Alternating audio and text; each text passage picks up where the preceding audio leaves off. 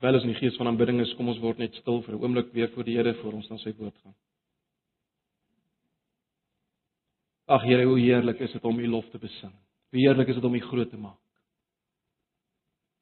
Hoe heerlik is dit om vir U en vir mekaar te sing oor U goedheid, U grootheid, U mag, U heerlikheid, U majesteit. Here, ons een begeerte is nou om waarlik u stem te hoor. Bewus te wees van u in ons midde en niks anders nie. Ons voor u. U in ons midde. Here kom praat met ons. Kom beweeg ons deur die werking van die woord en die gees. Ten spyte van wie ek is, Here in myself en ten spyte van wie ons elkeen hier is in onsself, maar op grond van dit wat U vir ons gedoen het, ons grond van ons posisie in Christus Jesus. Grond van die feit dat ons U liggaam is wat U deur die bloed gekoop het. Kom praat met ons Here, verheerlik U self. Ag Jesus, verheerlik U self. Laat al die kollig op U val asseblief. Ons vra dit in Jesus se naam. Amen. Nou ja, ons gaan voort met ons studie in die boek Johannes. Ons het gekom by hoofstuk 5. Uh, eh, ons het na die eerste 17 verse gekyk. Kom ons lees uh, vandag saam vanaf vers 18 tot vers 30. Ehm um, of althans ons kan maar ons gaan basies tot vers 29 kyk. Ons gaan fokus op vers 25 tot 29. Kom ons lees vanaf vers 18 af en uh, dan gaan ons kyk na hierdie gedeelte. Kom ek lees die 83 vertaling. vers 18 Hieroor het die Jode nog des te meer probeer om Jesus dood te maak. Nou dis nou as gevolg van dit wat hy gedoen het op die Sabbat, né, nee, die man wat hy genees het op die Sabbat. Hy het nie net die Sabbatdag ontheilig nie, maar God ook sy eie Vader genoem en hom so met God gelykgestel. Toe het hy hom verweer en vir hulle gesê: "Dit verseker ek julle, die seun kan niks uit sy eie doen nie, hy doen maar net wat hy die Vader sien doen. Wat die Vader ook al doen, doen die seun ook net so." Die Vader het die seun lief en wys hom alles wat hy doen en hy sal hom nog groter dade as hierdie wys sodat jy verbaas sal staan. Soos die Vader die dooies opwek en lewend maak, so maak die seun ook lewend wie hy wil. Vers 22. Self veroordeel die Vader niemand nie, maar die oordeel het hy geheel en al aan die seun oorgelaat. Daarom moet almal die seun eer net soos hulle die Vader eer. Wie nie die seun eer nie, eer ook nie die Vader wat hom gestuur het nie. Dit verseker ek julle, Wie luister na wat ek sê en in hom glo wat my gestuur het, het die ewige lewe. Hy word nie veroordeel nie, maar het reeds uit die dood na die lewe oorgegaan. Ek verseker julle. Daar kom 'n tyd en dit is nou wanneer die dooies die stem van die seun van God sal hoor en die wat daaraan gehoor gee sal lewe. Soos die Vader die lewe in homself het, het hy die lewe ook aan die seun gegee om dit in homself te hê. Hy het hom ook volmag gegee om te oordeel omdat hy die seun van die mens is. Moenie oor verbaas wees nie, daar kom 'n tyd wanneer almal wat in die grafte is, sy stem sal hoor en sal uitgaan. Die wat goed gedoen het, sal opstaan en lewe, en die wat verkeerd gedoen het, sal opstaan en veroordeel word. Dis net tot daar.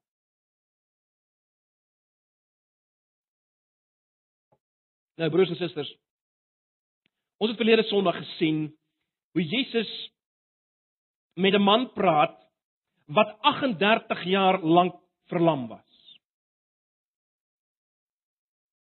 En spiere en weefsel en been reageer op die stem van Jesus. Nou julle dit. En dan in vers 17 in die lig van vers 17 maak Jesus dit baie duidelik dat hy hierdie genesing juis op die Sabbat gedoen het om te demonstreer dat hy en die Vader werk. Hulle is besig met 'n ontsaglike werk. Hulle is besig om alles wat skeef geloop het by die sondeval om te keer sodat daar weer 'n tyd sal kom van absolute Sabbatsrus. Rusvolle genieting en aanskouing van God. Dis waarna hulle op pad is. Dis waarna ons verlede keer gekyk het. Maar kom ons kom terug na die stem waarna ons nou verwys het. Miskien sit jy hier vanoggend en jy jy het so begeerte dat jy net eenmaal sy stem so sal hoor, Jesus se stem so sal hoor met sulke effek in jou lewe. So persoon met sulke geweldige effek. En ek dink ek het goeie nuus vir jou volg. Dink net vir 'n oomblik aan wat ons kry in Johannes Evangelie. Ons kry in Johannes Evangelie dikwels dat Jesus doen 'n wonder En terloops hierdie wonders word deur Johannes beskryf as tekens. Met, met ander woorde, hierdie wonders staan vir iets anders. Jesus doen 'n wonder, so 'n teken. En dan kom Jesus en hy hy gee lering. Waarmee hy verduidelik waarvoor hierdie teken alles staan. Hy verduidelik dat hierdie teken na meer wys, vir meer staan. En daarom broers en susters, moet ons vanoggend verstaan dat daardie stem van Jesus wat tot die verandering in daai man se lewe gelei het. Sy opstaan uit verlamdheid van 38 jaar staan vir iets meer ook, né? Nee. Of as ons so so wil stel, die Jesus, onthou julle wat alles geweet het van hierdie man, wat absolute empatie gehad het met sy situasie en krag oor sy lewe, hierdie Jesus en sy stem wat ons daar sien, staan ook vir iets meer of om dit anders te stel, gaan iets meer doen. Doen iets meer. As wat ons by die man sien. So hier is die goeie nuus. Hier is die goeie nuus. Johannes wil ons aandui deur hierdie gedeelte wat ons gelees het vanoggend. Dat jy en ek hierdie selfde stem van Jesus sal hoor, ons sal dit eendag hoor met meer effek as wat hierdie verlamde man het gehoor het. Dis die eerste ding. En tweedens ek en jy moet hierdie stem hoor met meer effek as wat hierdie man het gehoor. Dis wat ons in hierdie gedeelte kry. Dis wat ons in hierdie gedeelte kry. So kom ons kyk hierna. Kom wys eers vir julle waar ek my tweedeling kry. Hoekom sê ek Ons gaan dit hoor. Maar ons moet dit ook nou hoor. Hoekom sê ek dit? Waar kry ek hierdie tweedeling? Wel kyk na vers 25. Daar's die tweedeling. Wat nog julle moet regtig volg in julle Bybels want uh ons wil kyk hoe dit ontvou in hierdie verse van vers 25 tot 29. Uh julle moet dit self raak sien, né? Nee. Kyk na vers 25 en hier kry ons ons tweedeling.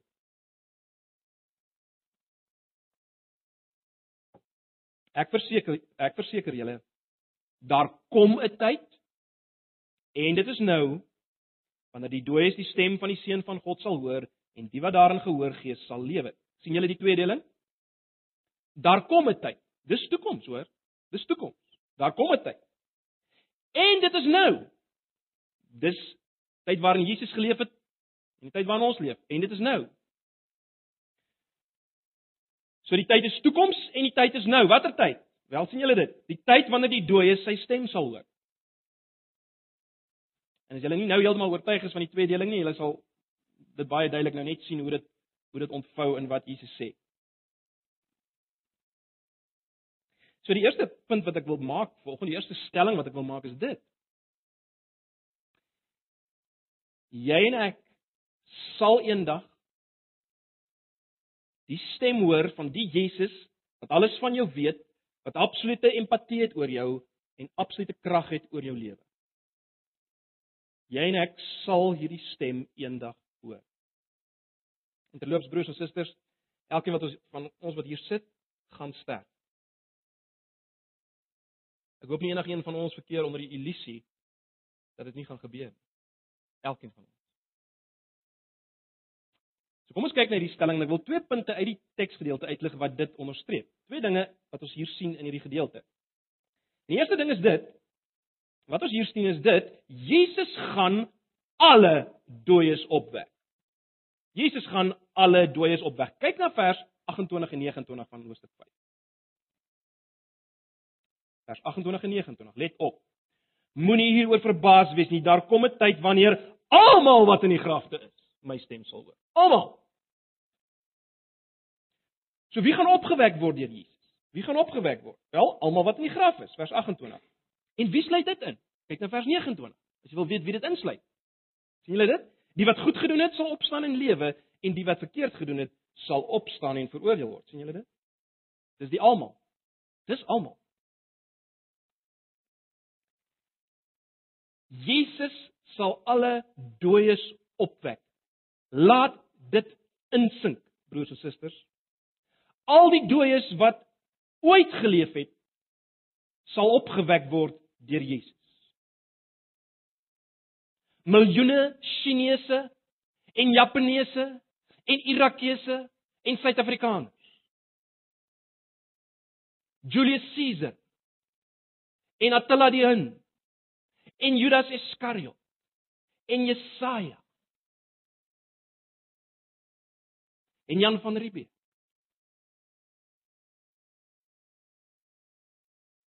Piet Retief en Lingaan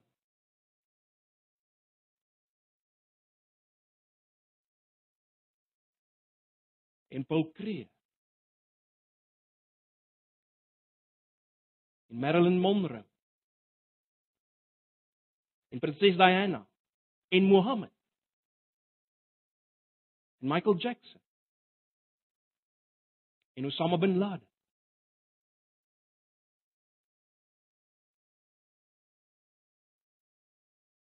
en jy.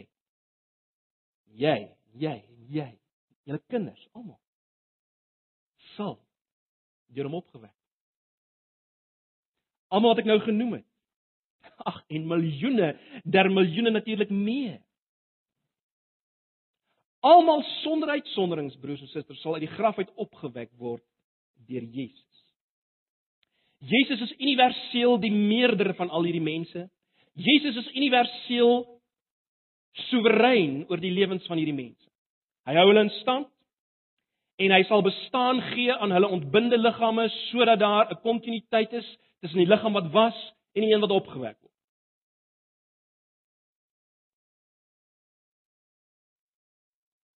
Let wel, hy laat niemand uit bestaan wegglip nie. Geen regverdige sal daardie verlies hê dat hy sal wegglip nie en daar's ook geen sulke hoop vir die goddelose dat hy gaan wegglip nie. Geen sulke.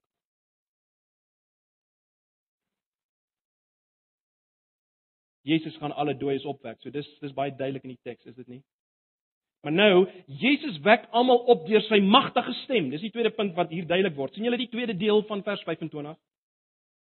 Hulle sal die stem van die seun van God hoor en die wat daaraan gehoor gee sal lewe. Onthou ons gesê hier is 'n tweedeling in die in die vers. Dit is wat kom ook. Kom 'n tyd wanneer ons sy stem sal hoor en die wat daarin gehoor gee sal lewe. Nou Paulus Paulus praat uh ook van 'n uitroep of 'n bevel by die tweede koms van Christus. Luister 'n bietjie na 1 Tessalonisense 4 vers 16. Hy sê want die Here self sal van die hemel neerdal met 'n geroep, met die stem van 'n aartsengel en met geklank van die basuin van God en die wat in Christus gesterf het sal eerste opstaan. Nou hier staan nie duidelik wie roep nie. Dit is nie heeltemal duidelik uit die teks nie. Dit dit kan 'n engel wees, dit kan kan die Vader wees of dit kan Jesus wees. Maar in ons gedeelte in Johannes 5 vers 25 is dit baie duidelik Jesus. Baie duidelik Jesus. Jesus sal die dode deur sy stem opwek. Daai julle wat staan in Hebreërs 1 vers 3 Hebreërs 1 vers 3 lees ons hy dis nou Jesus wat die afskynsel is van sy heerlikheid, dis God se heerlikheid en die afdruksel van sy wese, God se wese en alle dinge dra deur die woord van sy krag. Dis wat ons in Hebreërs 1 vers 3 lees. Hy dra alle dinge deur die woord van sy krag. Kolossense 1 vers 17. Luister net hier. Hy is voor alle dinge en in hom hou alle dinge en in hom hou alle dinge stand. So. Ekskuus.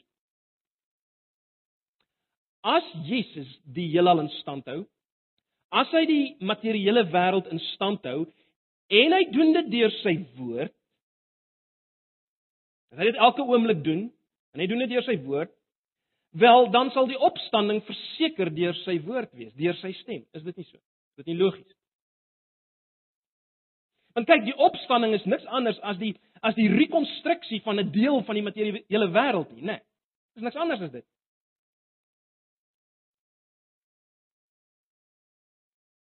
Want ons liggaam is 'n deel van die materiële wêreld. So as ons liggame opgewek word, is 'n rekonstruksie daarvan. Kom ons stel dit so broers en susters, as hy die wêreld in stand hou deur sy woord, deur sy stem, dan sal hy dit ook herstel deur sy stem. Hy sal dit ook herstel deur sy stem. sien julle dit? Daarom maak nie saak hoe jy vanoggend lyk nie. Hoe jou liggaam lyk nie. Dit maak nie saak hoe ontbind jy uiteindelik eendag gaan wees as hy weer kom nie. Jy sal sy stem hoor En daar sal 'n rekonstruksie plaasvind in jou wat dit wat dit wat gebeur het by die verlamde man by verre oortref. Is dit nie so nie? Ag broers en susters, staan verstom oor Jesus. Staan verstom oor sy krag. Staan verstom dan. As hy praat as skepper, dan gehoorsaam die niksheid. As hy praat as die een wat opwek uit die dooie uit die dood, dan dan reageer ontbinde materie. Dis ons Jesus. Ons sien sy heerlikheid, die heerlikheid van die enigste seun van die Vader, waarvan Johannes praat in Hoofstuk 1 vers 14. Hy's aanbiddingswaardig, broers en susters. O, buig voor hom. Hy's aanbiddingswaardig. En nou 'n logiese tweede vraag is natuurlik: Hoe is dit moontlik dat sy stem sulke geweldige krag dra? Wel is weer twee punte wat in die teks gemaak word wat dit vir ons onderstreep. In die eerste plek, uh omdat hy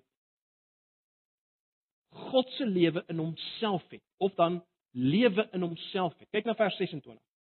Kyk na vers 26.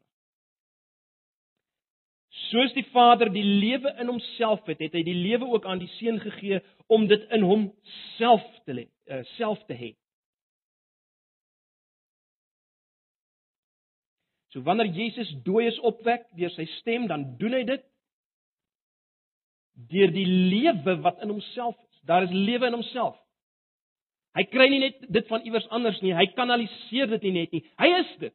Ek is die weg, die waarheid en die lewe. Jesus is die lewe, né? Nee, ons moet dit baie duidelik verstaan. Hy is die lewe. So dis die eerste rede waarom sy stem sulke effek kan hê. Hy is die lewe.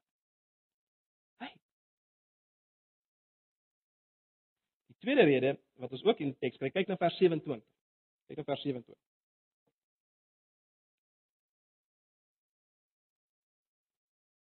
Hy, dis God het hom ook volmag gegee om te oordeel omdat hy die seun van die mens is. Hy is die seun van die mens. Nou hierdie titel het 'n baie interessante dubbelsinnigheid. Julle sal onthou, ons het al daarna gekyk. Dit kom natuurlik uit Daniël 7 vers 13 waar dit 'n uh, beskrywing is van 'n hierdie magtige wese wat sal oordeel oor alle nasies.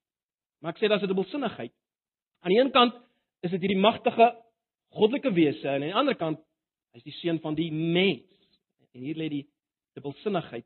En en jy's hierin En hierdie kombinasie van hierdie twee kante as ek dit so kan sê, die goddelikheid en die feit dat hy 'n mens is, jy's hierin lê die rede waarom Jesus kan kwalifiseer om te doen dit wat hy doen deur sy stem. Jy's daar. Dieselfde Johannes wat wat wat die evangelie van Johannes skryf, skryf in Openbaring 5 die volgende. Jy hoef nie nou op te uh, dit na te slaan nie. Luister maar net, jy ken dit ook. Aan vers 2 beskryf Johannes die volgende. Hy sê: "Toe het ek 'n sterk engel gesien wat met 'n harde stem uitroep: Wie is waardig? Met ander woorde, wie kan? Wie is in staat om die boek of om die seels uh om die boek oop te maak en die seels daarvan te breek? Wie is in staat?" Toe sê een van die ouderlinge vir my: "Moenie huil nie. Kyk, die leeu uit die stam van Juda, die afstammeling van Dawid, het die oorwinning behaal en kan die boek met die sewe seels oopmaak." So hy sê vir hom die leeu wat die oorwinning behaal het, hy kan die seels oopmaak. En dan ons het al baie daarna verwys in vers 6. Toe het ek voor die troon wat omring was deur die vier lewende wesens tussen die troon en die ouderlinge 'n lam sien staan. Nie leeu 'n lam. 'n Lam sien staan die een wat geslag is. En luister nou na vers 9. Toe. Toe. Hulle dit sien. Toe sing hulle 'n nuwe lied. U is waardig om die boek te neem en die seels daarvan oop te maak, omdat u geslag is en met u bloed mense vir God losgekoop het uit elke stam en taal en volk en nasie. So broers en susters, wat sien ons? Ons sien God het bedoel dat die een wat die wêreld sal oordeel, 'n geslagte lam sal wees, 'n gekruisigde man. Die leeu uit die stam van Juda moes eers ook die geslagte lam word, né? Nee. Die seun van God wat sal oordeel op die laaste dag en sal opwek op die laaste dag, moet eers die lydende seun van die mens word, né? Nee. Beide kante. As ons vra maar, maar hoekom hoekom so? Hoekom moet hoekom moet die regter eers 'n lydende man word? Hoekom moet hy 'n lydende man wees? Wel Ek dink ons kan maar net verstom staan hieroor en ons kan Ons kan dit so probeer stel dat God het dit as reg beskou dat die wese wat mense gaan oordeel moet weet wat dit beteken om mens te wees. Die wese wat mense gaan oordeel moet weet wat dit is om 'n mens te wees. Maar nog meer as dit, nie net 'n mens nie. Hy moet weet wat dit beteken om te ly. Hy moet weet wat dit beteken om te ly. Dit moet een wees wat gelei het om die res te verlos van oordeel. Nee. En as iets uiters gepas hieraan, is dit die broers en susters. Dink net daaraan. Dink net daaraan. Uiters gepas dat die een wat met sy stem uiteindelik mense of na 'n ewige lewe of 'n ewige verdoeming sal stuur, dis gepas dat hy 'n lydende verlosser is. Jy sien, die regter van die heelal sal uiteindelik in staat wees om elkeen, ook vir jou, in die oog te kyk. In die oog te kyk en te sê ek weet wat dit is om te ly. Ek weet wat dit is om versoek te word. Dis die een wat sal oordeel of sal vryspreek. Maar nou baie belangrik. Vraag wat jy ook moet vra is natuurlik nou maar hoe hoe sal ek weet dat daardie stem uiteindelik vir my sal hoop inhou en nie veroordeel nie. Wel, weer eens vers 28 en 29, ons laaste twee verse. Dit is baie duidelik. Kom ons lees dit net weer. Moenie oor verbaas wees nie, daar kom 'n tyd wanneer almal wat in die grafte sy stem sal hoor en sal uitgaan. Die wat goed gedoen het, sal opstaan en lewe, en die wat verkeerd gedoen het, sal opstaan en veroordeel word. Nou natuurlik broers en susters, hierdie verse leer nie uh redding deur werke nie. Dis nie wat wat hier geleer word nie. Ons moet altyd so vers lees in hier in die res van die van die boek en van die van die Bybel. Om baie eenvoudig te maak, dit beteken bloot in die lig van Johannes se evangelie. In die lig van Johannes se evangelie beteken dit bloot eenvoudig dat jou dade sal uiteindelik wys of jy in Jesus was of nie. Of laat ek so stel, dit sal wys of jy die lewe van Jesus in jou gehad het of nie. jou dade wys eenvoudig of jy die lewe van Jesus in jou het of nie. Dis die punt wat Johannes 15 maak. Dink net daaraan, né? Johannes 15. Gedeelte oor die wingerdstok. Luister net weer na vers 5. Ek is die wingerdstok. Julle die lote. Wie in my bly en ek in hom dra baie vrugte, want sonder my kan julle niks doen nie. Jy sien los van die wingerdstok is daar geen goeie werke nie. Jy kan ook nie in die wingerdstok inkom deur goeie werke nie, né? En dit bring ons by ons tweede punt broers en susters. Jy en ek moet nou sy stem hoor met dieselfde effek of met meer effek as wat die kreppelman het gehoor. Ons moet dit nou hoor. Dis ons tweede groot punt, né? Nee, jy moet dit eendag hoor of jy sal dit eendag hoor. Jy moet dit nou hoor. Jy moet dit nou. Kyk net weer na vers 25. Ek verseker julle daar kom 'n tyd en dit is nou Nou, mis moet ek net dit sê. Uh Ons kry oor en oor in in in Jesus se bediening hierdie verskynsel dat dat dit wat hy doen nou is 'n afbeelding van wat eendag gaan wees. Hy genees nou siekes as 'n afbeelding van die feit dat daar uiteindelik geen siekes gaan wees. Hy dryf nou demone uit as 'n afbeelding dat daar geen demone gaan wees in die nuwe werklikheid. En dit is 'n baie interessante geval in Johannes Evangelie. waar hy 'n dooie, 'n fisiese dooie opwek as aanduiding van wat gaan wees en as aanduiding van wat nou geestelik kan gebeur, né? Nee, en julle weet waarvan ek praat, Lazarus. Dis 'n geweldige gedeelte. Lazarus, die opwekking van Lazarus. Onthou julle wat sê Jesus vir Maria in Johannes 11 vers 25 en 26? Ek is die opstanding en die lewe, wie in my glo sal lewe al sterwe hy ook. En elkeen wat lewe in my glo, sal in ewigheid nooit sterwe nie. Glo jy dit? Vra hy vir haar. Met ander woorde, hy sê vir haar as ek hier is, is die uur van opstanding eintlik al reeds hier. Ek ek is die opstanding in die lewe. Jy sal weet wat net daarna gebeur, né? Dan gaan uh Jesus na die graf en nee, die steen word verwyder. En dan lees ons in vers 43 en 44, nadat hy dit gesê het, roep hy met 'n harde stem.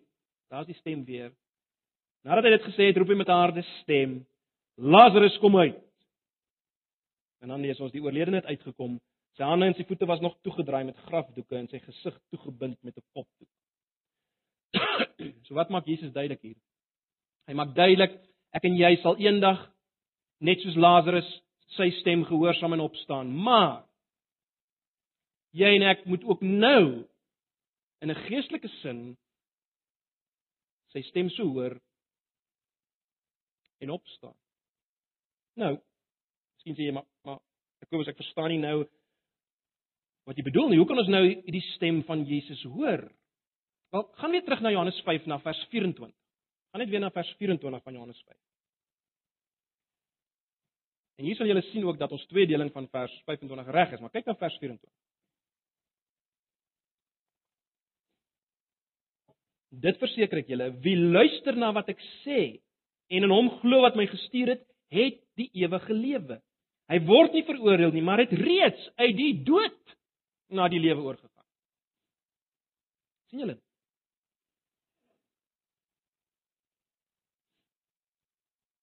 Wie luister na wat ek sê en hom glo wat my gestuur het, het die ewige lewe. Nou onthou nou weer vir 'n oomblik, wat was die doel waarvoor Johannes sy boek skryf? Hoofstuk 20 vers 31. Hy sê hierdie dinge het ek geskryf sodat julle kan glo dat Jesus die Christus is en dat julle deur te glo die lewe kan hê. Die lewe kan hê. Jy sien broers en susters wat ons moet verstaan dat is dit net soos Johannes en die disippels saam met hom volgens Johannes 1:14 die heerlikheid van Jesus gesien het as die enigste van die Vader En net soos hulle volgens hoofstuk 1 vers 16 genade op genade ontvang het, so kan ek en jy nou genade op genade lewe ontvang deur dit wat Johannes geskryf het. Want hy skryf dit onder onder leiding, onder invloed van die Heilige Gees na Pinksterdag, né? Nee. En hy skryf dit met hierdie doel dat jy sal lewe kry daardeur. Geloof en lewe sal kry. Net soos hulle dit gekry het deur fisies te kyk na Jesus, na sy heerlikheid. So wat wil ek sê? Ons kan die heerlikheid sien broers en susters van Jesus as ons hoor wat hy sê. Deur dit wat hy geskryf het. Met ander woorde, om 'n voorbeeld te noem. As ons luister na wat Johannes skryf oor die man die man by die poel. En ons hoor van Jesus se kennis van hierdie man voordat hy enigiets van hom gehoor het. En ons hoor en en en sien by wyse van spreuke sy empatie en sy krag. Dan kom die stem van Jesus na ons. Dan kom sy stem na ons. Hy roep. En as jy gehoor gee, dis wat vers 24 sê en vers 25, sal jy lewe sal jy lewe. Wat is hierdie lewe? Wel, dis die lewe wat in Jesus was, nê? Nee, die lewe van 'n verhouding met God, 'n liefde vir God en 'n liefde vir die rondom jou. Dis die lewe wat Jesus gehad het. In verhouding om in verhouding te wees met hom en met mense. Wat is die geloof waarvan ons praat? Wel, broers en susters, dis nie 'n verstandelike instemming nie. Ons praat van geloof uh soos Johannes daarvan praat. Soos Jesus daarvan praat. Geloof is om die lewende water te drink. En om die brood van die lewe te eet. Jy sien, jy moet versadig word met Jesus, hierdie Jesus. Jy moet versadig word. Jy moet hom omhels. Jy moet dit wat hy sê vat vir jou persoonlik en dit toeëien. Dit eet, dit drink. Dis geloof. Dis geloof. Dis wat die evangelie van Johannes leer.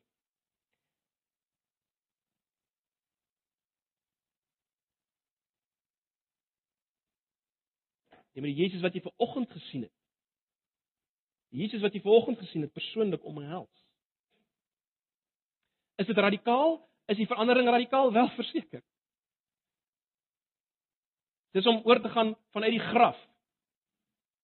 Dis dieselfde. Nou, as jy fisies uit die graf uit sal opstaan met 'n nuwe liggaam, wel, die oorgang nou is niks minder radikaal nie. Dis om uit te kom uit die graf van self tevrede, selfgerigtheid, net te lewe vir jouself en jou eie gemak na 'n lewe van liefde vir God en 'n lewe vir ander. Dis radikaal broers en susters. Dis radikaal, dis waarvan Johannes praat. Miskien sê jy as ek reeds glo, maar jy moet weer sy stem hoor en weer en weer. Johannes sê hulle het ontvang genade op genade, op genade. Jy moet weer hoor. En wat sê Paulus in 2 Korintiërs 3 vers 18? Hoe meer ons hom sien, hoe meer word ons verander. Hoe sien ons hom as ons hom aanskou in die woord? En dit wat Johannes skryf, sien ons sy heerlikheid. En hoe meer ons dit sien, sê Paulus, hoe meer word ons verander van heerlikheid na heerlikheid self. Hoe meer ons dit sien, natuurlik sien ons dit ook op mekaar. Maar val in die skrif. sien sy Heer. Ons word verander. Daarom broers en susters, is dit uiters relevant. Is dit uiters relevant om te praat oor Jesus en sy heerlikheid? Ek is oortuig daarvan honderde geestelike mankamente hier onder julle word genees en sal genees word as hulle net Jesus kan sien vir wie hy is, sy heerlikheid.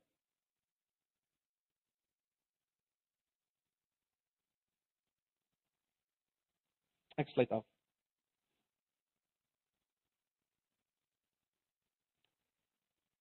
Jy en ek gaan sy stem hoor. Jy en ek gaan sy stem hoor as ons uiteindelik uit die dood opgewek gaan word. Jy gaan die stem hoor van die een wat jou ken. Wat absolute ontferming oor jou het, maar wat alle mag het oor jou lewe. Jy sal hom in die gesig kyk. Broers en susters, dink daaraan. Ons sal hom in die gesig kyk. Die een wat versoek is soos ons en gelei het soos ons.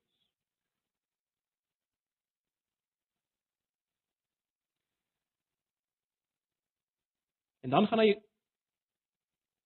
te ware soek na aanduidings, let wel nie van volmaaktheid nie.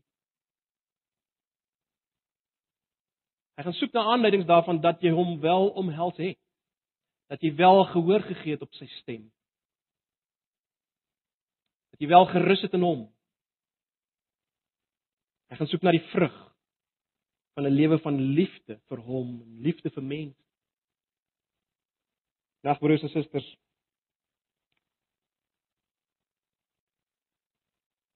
Mekaar reeds gesê vanoggend as jy sy stem wil hoor en die lewe wil ingaan, dan moet jy nou sy stem hoor. Dan moet jy nou sy stem. Dan moet jy nou sy stem. Dan moet jy nou gehoor gee dan. Daarom is my gebed vanoggend dat jy hom sal omhels. In lig van wat ons vanoggend weer gesien het wie hy is, sy heerlik, sy heerlik. Omhels sê dit vir hom. Kom nou. Drink van hom. Eet van hom. En sy stem sal vir jou ongelooflik wees. Daai stem van van baie waters, van 'n bassein sal vir jou ongelooflik wees. So nie sal dit skrikwekkend wees. Kom ons wees eerlik met mekaar. Kom ons wees eerlik. Dis my gebed dat ons sy stem sal hoor, dat dit vir ons ongelooflik sal wees. As ons oorgaan van dood na lewe fisies Ag broers en susters, net jou laaste gedagte. As ons oortuig is hiervan. As ons oortuig daarvan is dat elke mens sy stem gaan hoor en dat elkeen sy stem nou moet hoor as hy daardie stem wil hoor en as ons as as hy wil hê dit moet vir hom heil en nie onheil inhou nie. As ons oortuig is daarvan, sal ons nie alles ons vermoë doen dat mense sy stem hoor deur die woord. Sal ons nie alles doen. Op watter manier dit ook al is. Dis die een ding net en dan heel laaste. As ons oortuig is daarvan, watter impak sal dit hê op ons lewens? Watter impak sal dit hê op ons lewens as ons weet ons gaan sy stem ook eendag hoor? Ons gaan hom in die oë kyk. Dink daaroor. Watter effek sal dit hê? Ons word 'n paar oomblikke stil dan doen ek ons gebed.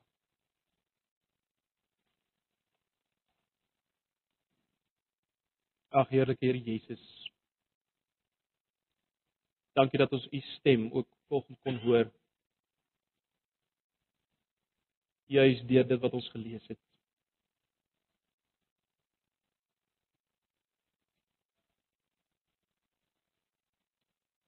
Dankie vir die evangelie van Johannes wat ons ons in ons hand het. Here, ek wil bid vir elkeen wat hier is. Ek wil bid dat elkeen wat reeds glo sal voortgaan om te glo en sal lewe. Ek wil bid vir elkeen wat dalk hier is wat nog nie glo en lewe nie dat hulle sal glo en sal lewe vir die eerste keer. En dat ons almal sal beleef die radikale effek dat ons almal sal bewus wees dat dit 'n verskil is van lewe en dood. Ag, Here, asseblief, bid dit vir myself en vir ons elkeen. Hoor ons as ons dit van U vra. Ons pleit dit in Jesus se naam. Amen.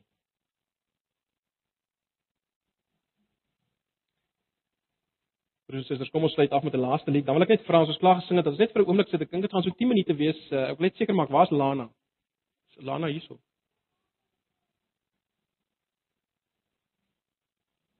gaan jy die Ekskuus, kan ek net nog klank kry? Uh daar gaan net 'n 'n kort uh, video snit wees van uh